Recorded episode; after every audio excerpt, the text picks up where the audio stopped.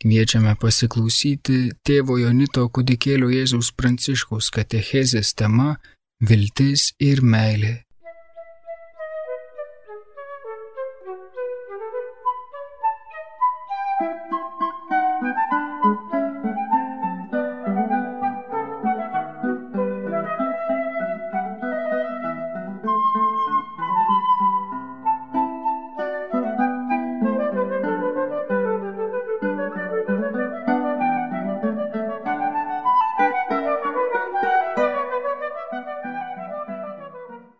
Mes patys esame labai silpni ir nieko nepajėgėme.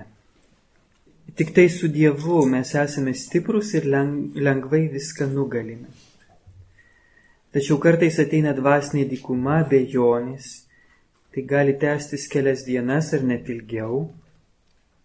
Ar mes visada esame su Dievu, net kai kartais atrodo priešingai, kai nusidedame. Ar visi žmonės visada yra su Dievu? Aišku, kad ne visi žmonės ir ne visada yra su Dievu. Net ir vienuoliui ar kunigui atsitinka būti ne su Dievu. Nes vienuolis ir kunigas taip pat yra nusidėjėlis, jeigu nežinojote. Ir nusideda mažiausiai septynis kartus per dieną, nes šventam rašte pasakyta, kad net ir teisusis septynis kartus nusideda per dieną. Tai reiškia teisus kunigas, o neteisus tai 77 kartus po septynis nusideda per dieną būna ir labai dažnai, kad pasaulietis yra arčiau Dievo negu kunigas.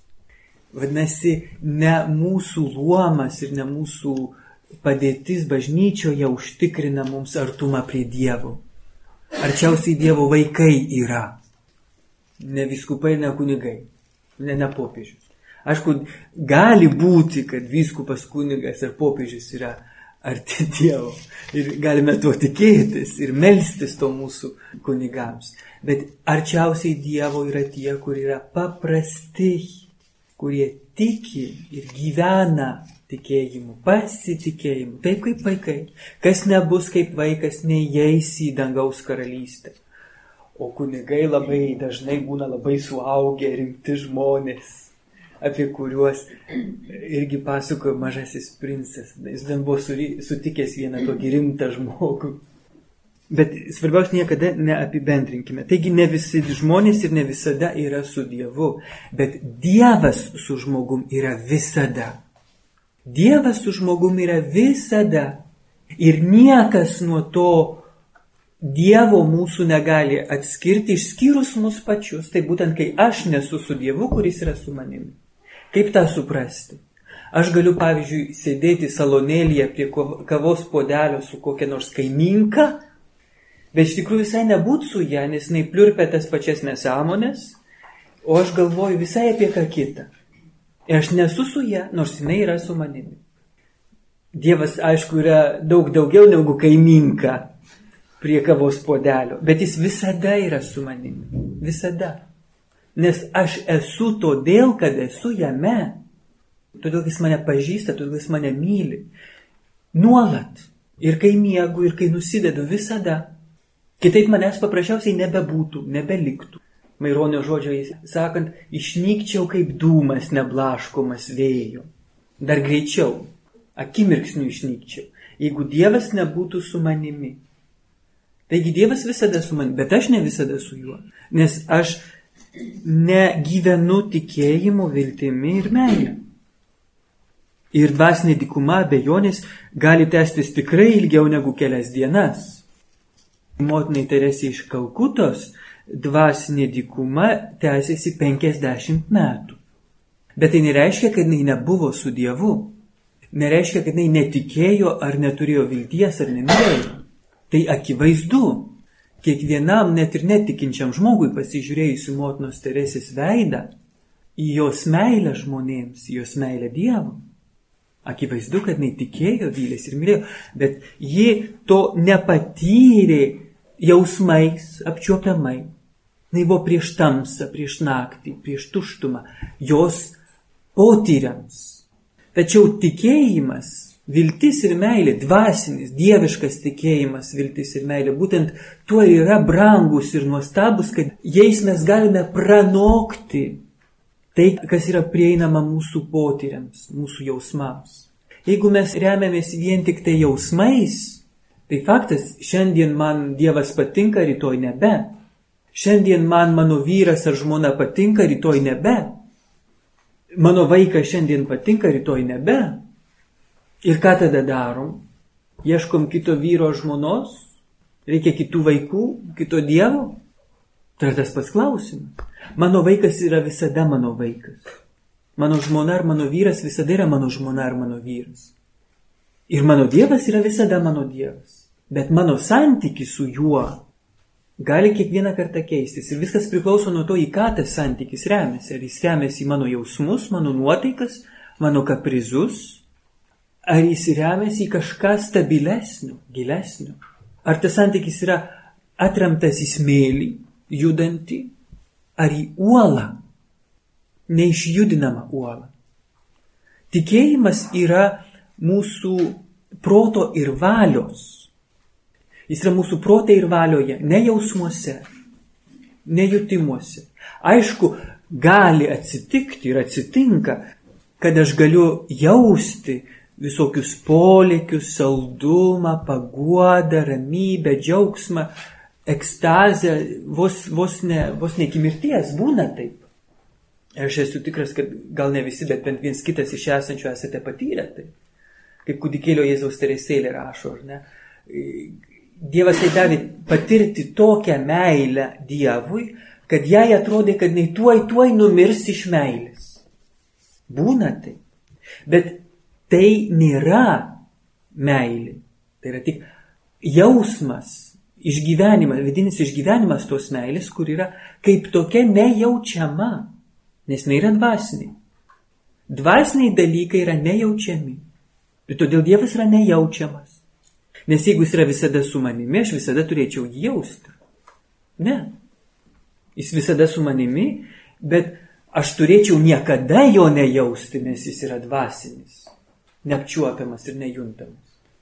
Bet kadangi jis žino, jog aš esu iš kūno ir kraujo ir kad mums būtinai reikia pajausti karts nuo karto, tada jis padaro išimti, nenormalią, duoda pajausti.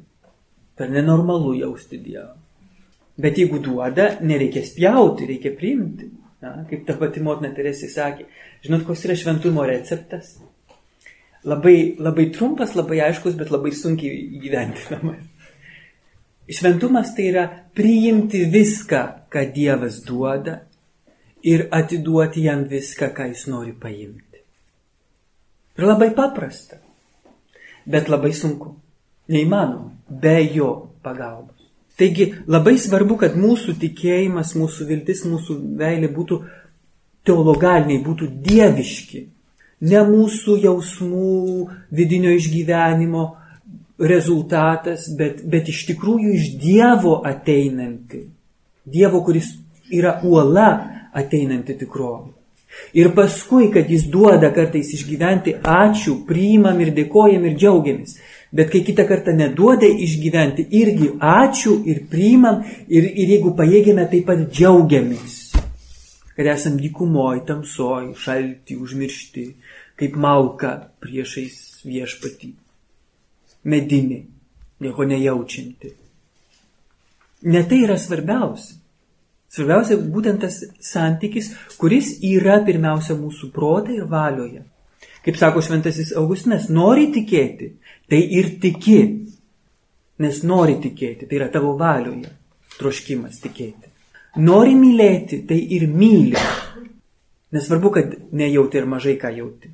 Bet jeigu nenori tikėti, nenori mylėti, a, čia jau yra praščiau. Taigi, kol norime tikėti, kol norime viltis, kol norime mylėti, mes esame su Dievu. Nes Dievas visada yra su mumis.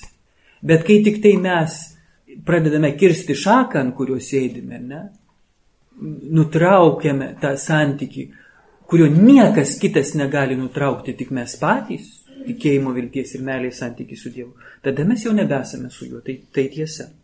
Ir ypač mes nesame su juo, ypač apskritai kiekvienas nebuvimas su Dievu yra nuodėmė. Kai aš nesu su Dievu, yra nuodėmė. Ir aš kalbu nebūtinai apie sąmoningą nebuvimą. Tai yra nesąmoningą e, nebuvimą su Dievu. Nes nuodėmė visada yra valinga. Žinoma, gali būti ir nevalingų nuodėmių, bet jos nėra sunkios tada. Bet visos rimtesnės nuodėmės jos būtinai turi būti sąmoningos, valingos. Bet yra ir nesąmoningų. Aš ilgai galvoju, kad, kad nuodėmė turi būti būtinai tik sąmoninga ir valinga. Bet bažnyčios praktikoje, rytų apieigų bažnyčios praktikoje, aš kalbu ne vien tik apie atsiskyrusius mūsų brolius ortodoksus, stačiatikius, bet tomis pačiomis apieigomis šlovinančius viešpati katalikus, graikų apieigų katalikus. Jų tik e, nuodėmė išpažinimo aktas, ne? prisipažįstu visą galę jo, ne? atsiprašau dėl visų nuodėmių, sąmoningų ir nesąmoningų, žinomų ir nežinomų, e, ir dar ten kažkokių tokių yra nokių. Nebeatsimenu kokių.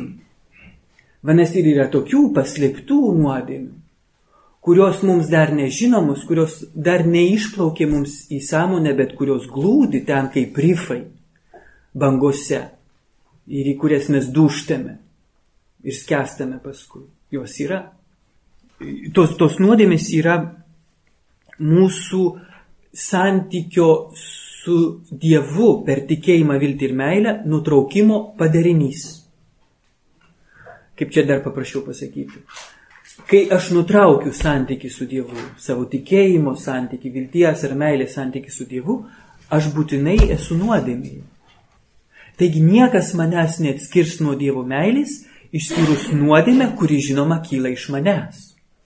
Taigi dar labiau patikslame, kad tik aš pats galiu atskirti save nuo Dievo per nuodėmę. Bet net kai nusidedu, Dievas vis tiek lieka su manimi.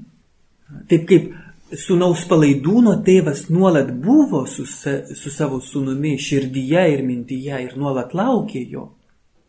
Kitaip jis nebūtų jo iš tolo pamatęs, kaip sako evangelistas Lukas, ar ne?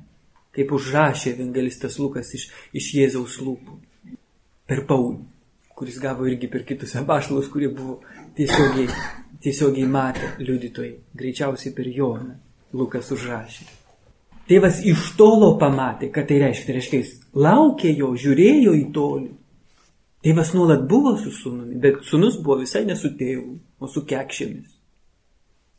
Ir paskui jis grįžta, sunus. Ir tėvų, tėvas iškelia šventę, puotą. Nes net ir kai nusidedame, Dievas yra su mumis. O mes ką darome, kai nusidedame? Mes kaip Adomas ir Jėva sprunkame į krūmus nes jaučiamės esą nuogi, kaip čia dabar pasirodysime tokie apsidirbę Dievo akivaizdoje. O reikia būtent priešingai elgtis, pulti jam į glėbį. O mes bėgame. Ir paskui laukiame, kol vėl išdrįstame iš, iškišti nosis galiuką. Reikia iš karto bėgti prie viešpatį, nes jis nuolat yra, nuolat, nuolat, nuolat su mumis. Taigi, kuo greičiau reikia atstatyti tą mūsų pačių per nuodėmę nutrauktą tikėjimo, vilties ir meilės santyki, kai nusidedame. O kai yra tiesiog dvasinė dykuma, abejon, tai yra kaip ta krizė, kuri mums leidžiama tam, kad mes atsibustume iš to ištižimo. Žiūrėkit, kaip, kaip yra keista. Kuo turtingiau gyvename, kuo patogiau, gyvename, tuo labiau mes esame viskuo nepatenkinti. Tuo labiau viskas negerai mums. Mes baigiame išlepti. Vakariečiai yra dar labiau išlepę. Jiems, jiems viskas turi būti padėta ant sidabrinio padėklo ir su, su šilkinė pagalvėlė. Ir tai dar bus blogai. Nes netgi kai gerai, vis tiek mes randame ką nors, kas negerai. Arba mažų mažiausiai bent jau nesidžiaugiame tuo, kad gerai. O kai mus išspiria iš šilto kambario į šaltą, į šaltą e, žiemą, tada reikia čiupti kirvį ir, ir, ir, ir paskaldyti malkas, va tada pagaliau mes ir atsibundame ir grįžta mums gyvenimo džiaugsmas, kuris buvo prarastas, kai mes tupėjome kaip katinai prie šiltų radiatorių.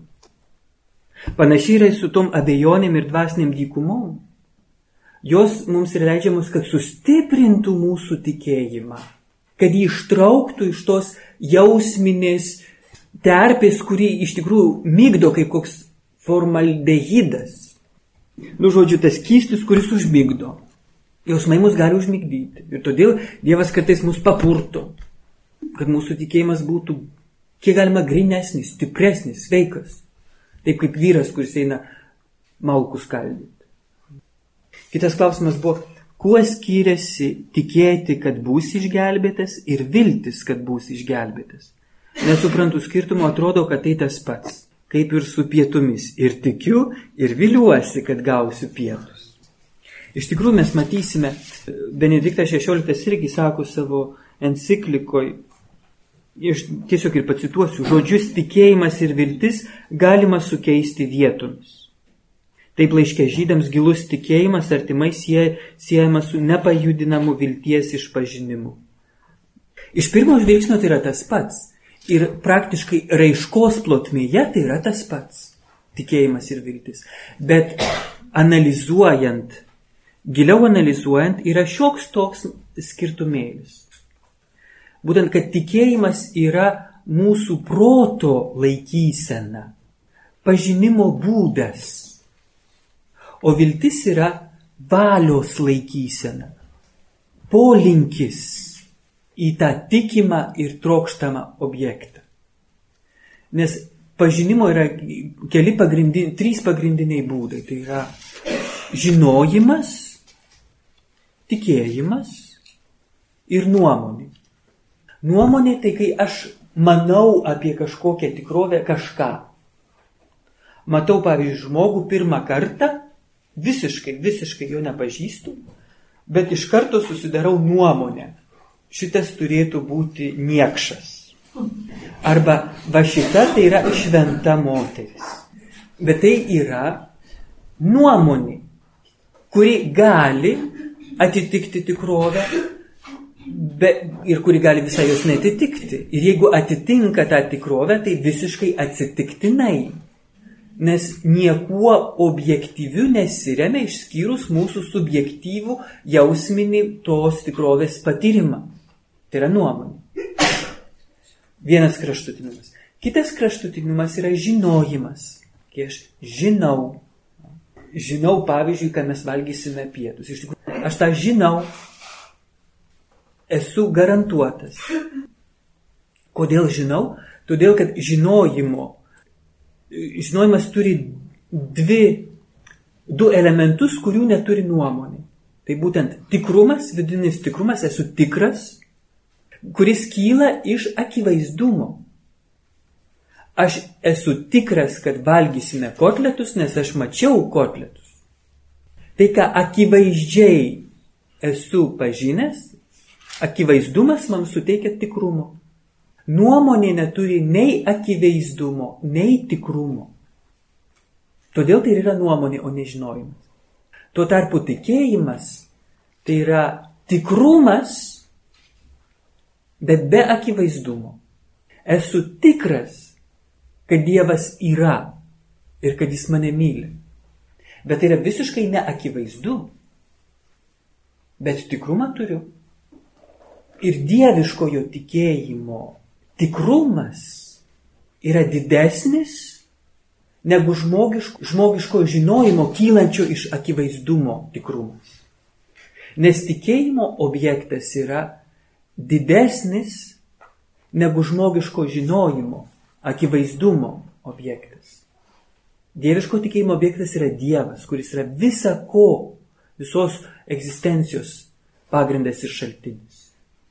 Tuo tarpu žmogiškas žinojimas akivaizdumas, remiasi tuo, kas kyla iš Dievo, nes kiekviena tikrovė, visa, kas yra, yra iš Dievo, kuris yra. Vienintelis, kuris yra absoliučia šito žodžio prasme.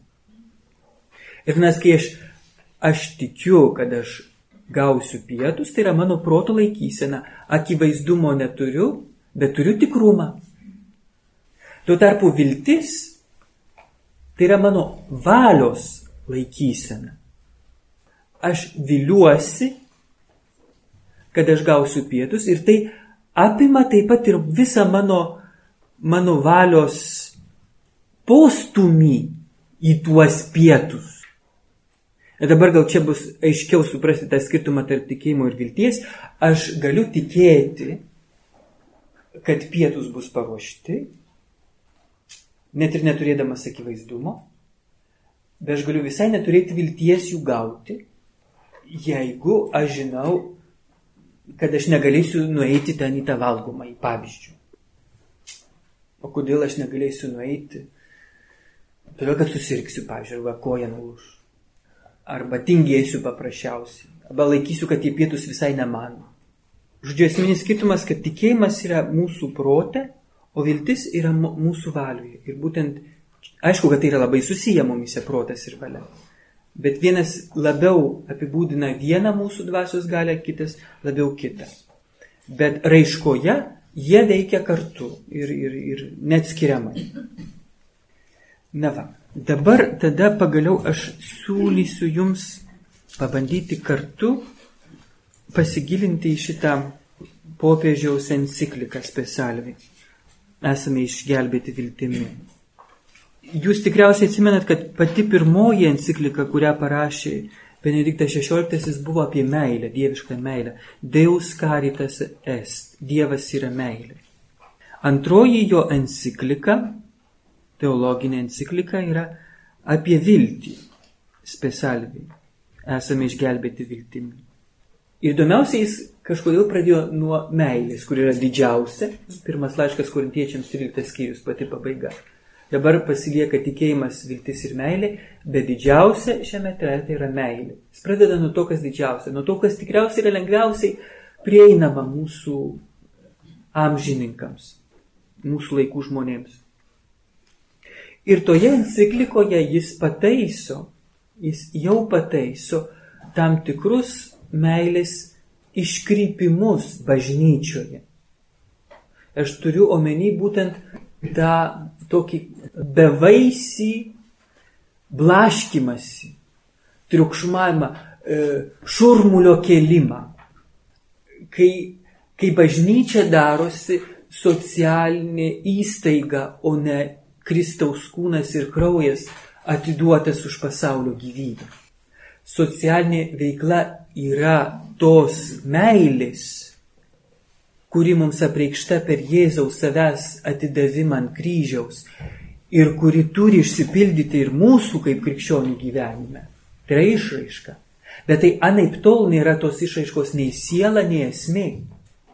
Ir jeigu lieka vien tik tai socialinės veiklos šurmulys, tai jau nebėra krikščioniška meilė. Tai yra tik keutas, tuščias, Kūnas be sielos, tai reiškia lavonas. Ir tada, ir tada bažnyčia yra pražuvusi. Nes faktas, kad profesionalų socialiniai darbuotojai yra daug kompetentingesni negu, negu bobutės susirinkusios į karitą gelbėti pasaulį. Bet tos bobutės susirinkusios į karitą gelbėti pasaulio ne savo jėgomis, bet Jėzaus meilė, viena tokia bobutė yra brangesnė Dievo akise už viso pasaulio profesionalias socialinės institucijas.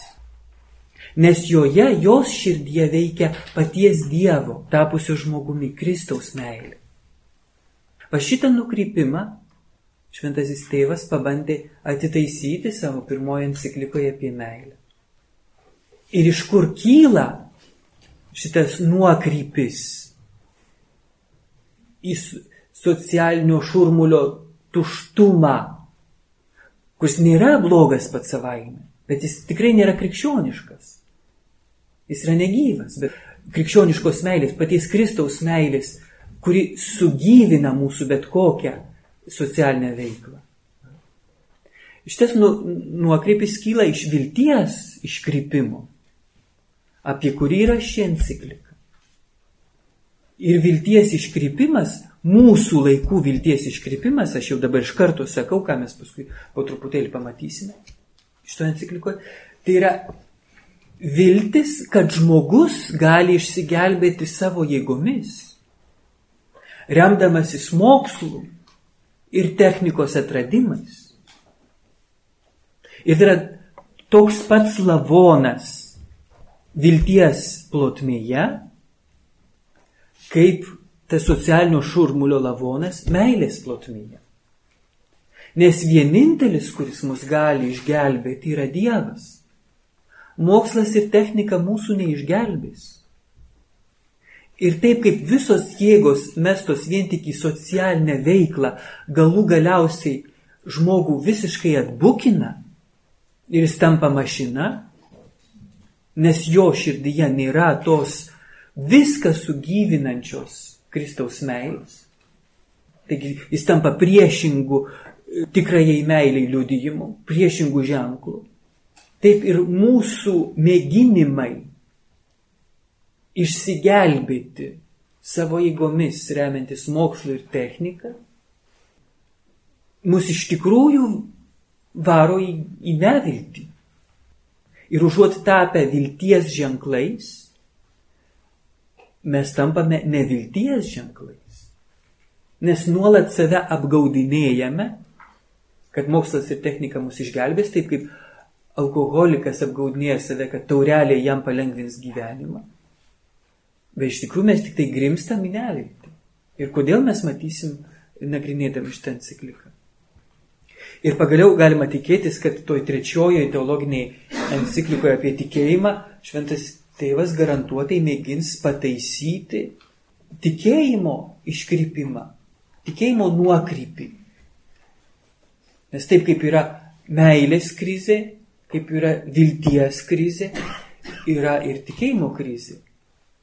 Ir vilties krizė kyla dėl tikėjimo krizės, ir meilės krizė kyla dėl vilties krizės. Nes jeigu mes turime išgelbėti pasaulį savo socialiniam priemonėm, tai tai yra baisinė viltis, nes jo neįmanoma išgelbėti. Nes kai mes ką nors išgelbstime, tai yra lašelis okeane. Aišku, motina Teresė sakė, taip, tai yra tik lašelis okeane. Bet jeigu aš jo būčiau neišsėmus, okeanas būtų vienu lašeliu didesnis. Bet tai jau yra tikėjimo ir vilties žvilgsnis į šitą skausmo, kančios ir, ir, ir, ir blogio okeaną mūsų gyvenime. Nes Teresė žino, jog, jog per ją pats Kristus gelbsti pasaulį. Ne ji pati gelbsti vargšą. Kristus. Ir jeigu mes leidžiame Kristui mus ir pasaulį per mus gelbėti, Kristui mumise mylėti, tada mūsų meilė ir viltis tik auga. Bet matot, kad, kad galėtume leisti Jėzui mumise gelbėti ir mus gelbėti, ir Jėzui mumise ir mus mylėti, pirmiausia, mes turim tikėti kad Kristus yra gelbėtojas ir Kristus yra meilė. Man pirmiausiai, o per mane ir kitiems. Matot, kaip viskas kyla iš tikėjimo. Ir todėl svarbiausia šito istorijoje yra tikėjimas. Nors pilnutinis išsipildymas didžiausia šiame trete yra meilė, galutinis vaisius. Bet viskas prasideda nuo, nuo žiedų, nuo tikėjimo žiedų. Jeigu žiedai pažeisti, tai paskui obolys bus toks išsigimęs. Žinot, kaip būna tokie nenormalūs oboliai, suskylę kokie nors. Giliam. Nes būtent Dievo žodis yra mūsų tikėjimo šaltinis ir pagrindas. Kaip mes įtikėtume, jeigu nebūtų skelbiančių Dievo žodį. Šitoje enciklikoje popiežius kaip ir pirmojoje, pirmiausiai, jis padalina ją į dvi dalis. Teorinę ir praktinė. Mums labai skamba sausai ta žodis teorinė. Bet čia būtent ir reikia prisiminti etimologinę šio žodžio prasme. Teorija, graikų kalbos žodis į lautynų kalbą yra verčiama žodžiu kontempliacijo. Vadinasi, tai nėra sausos žinios apie viltį. Tai yra vilties lėpinio kontempliavimas. Ta pirmoji enciklikos dalis.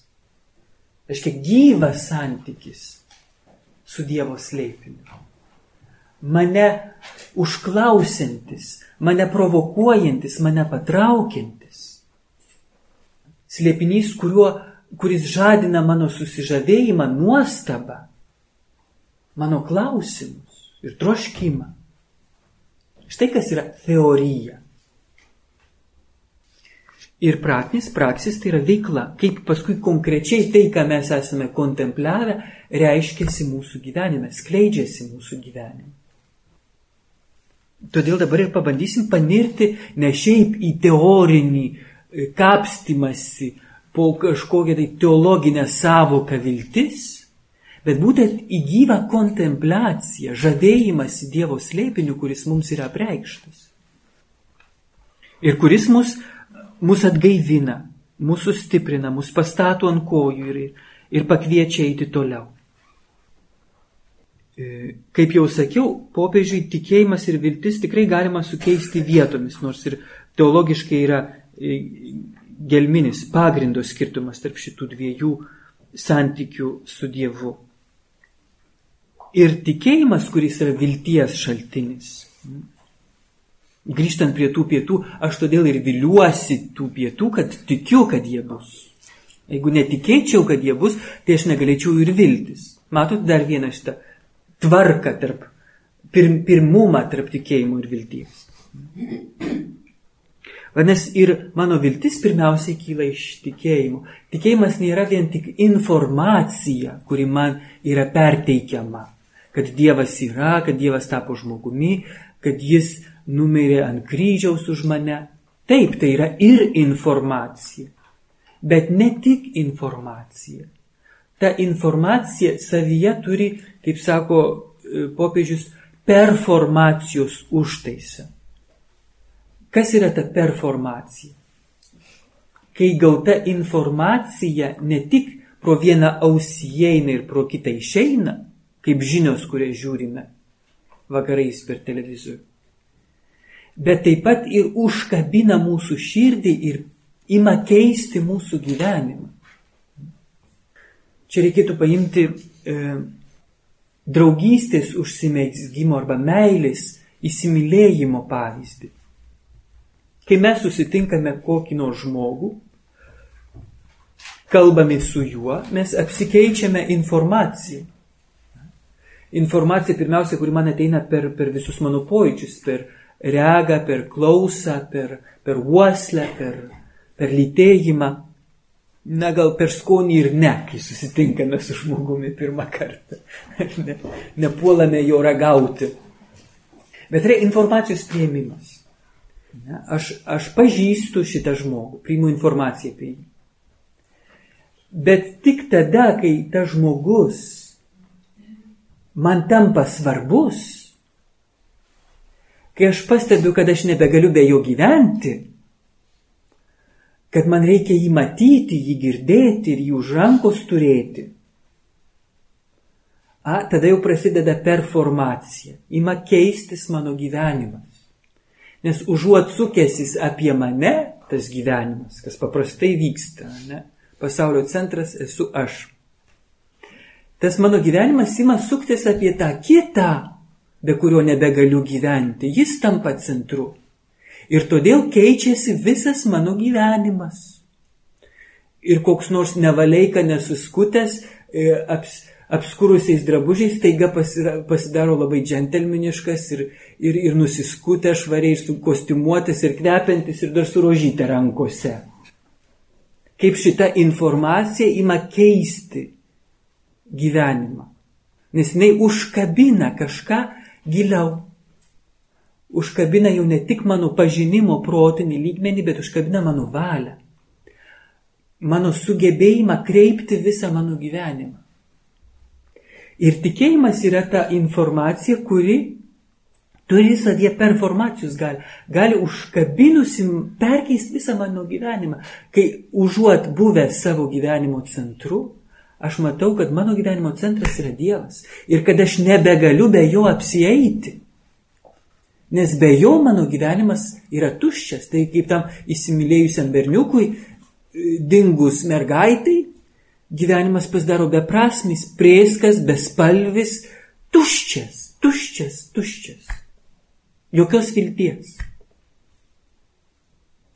O kol ji yra, berniuko širdė yra didžiulė viltis. Ne? Ir meilė, ir tikėjimas. Aišku, žmogiški, žmogiški, nes yra ir žmogiškas tikėjimas, ir žmogiška viltis, ir žmogiška meilė. Bet visa šita mūsų žmogiška patirtis yra, kad mes galėtume suvokti, remdamiesi žmogišką patirtimi, dieviškus dalykus, analogiškai. Nes yra tam tikras panašumas tarp žmogiško tikėjimo ir dieviško tikėjimo, žmogiškos vilties ir dieviškos vilties, žmogiškos meilės ir dieviškos meilės. Tik tas panašumas yra mažesnis negu skirtumas tarp tų dviejų tikrovų. Nes tai yra analoginė tikrovė. Analogija tai yra du visiškai skirtingi dalykai, turintys tik kažką vieną bendrą bruožą ar kelis bendrus bruožus. Kai sakome, pavyzdžiui, nebesakysiu jau šakutė geležinė ir geležinė kantrybė, bet sakykim, kai sakome ranka, žodis ranka. Dievo, dievo ranka, pavyzdžiui, šventam rašte. Dievas dešinę savo pakėlė, galingąją dešinę ir išblaškė visus egiptiečius. Bet mes puikiai žinom, kad Dievas neturi ir negali turėti jokios rankos, nes jis yra grinoji dvasia, neturinti kūno. O vis dėlto šventas raštas sako, Dievas dešinę savo pakėlė ranką. Tai reiškia analoginis kalbėjimas apie Dievą. Aišku, jis neturi jokios rankos, bet jame yra kažkas, kas panašu į mūsų ranką. O mums kas yra ranka? Ranka tai yra tai, kuo mes galime keisti pasaulį. Kotletus iškepti, pavyzdžiui. Inkilą sukalti arba lesyklą mylimam žmogui galvą paglostyti. Arba diržo įkrėsti. Štai kas yra ranka mums. Ir kai mes kalbam apie Dievo ranką, mes kalbam apie jo galybę, kuriais gali mus pamaitinti, gali mus paglostyti, sušildyti, gali mums įkrėsti kailį. Tai yra analogija. Vadinasi, ir kai mes kalbam apie tikėjimo analogiją, ne, žmogiškas tikėjimas ir dieviškas tikėjimas, tai yra taip pat analogija. Kaip ir ranka. Kitaip sakant, nelabai kas tai yra bendro tarp žmogiško tikėjimo ir dieviško tikėjimo. Bet vis dėlto kažkas yra bendra. Kaip tarp žmogaus galios, kuri reiškiasi per ranką, kurią mes nusakome ranka, rankos, į, rankos įvaizdžių, ir dieviškos galios kurią analogiškai nusakome tuo pačiu įvaizdžiu. Girdėjote tėvo Jonito kūdikėlio Jėzus Pranciškaus katechezė tema Viltis ir meilė.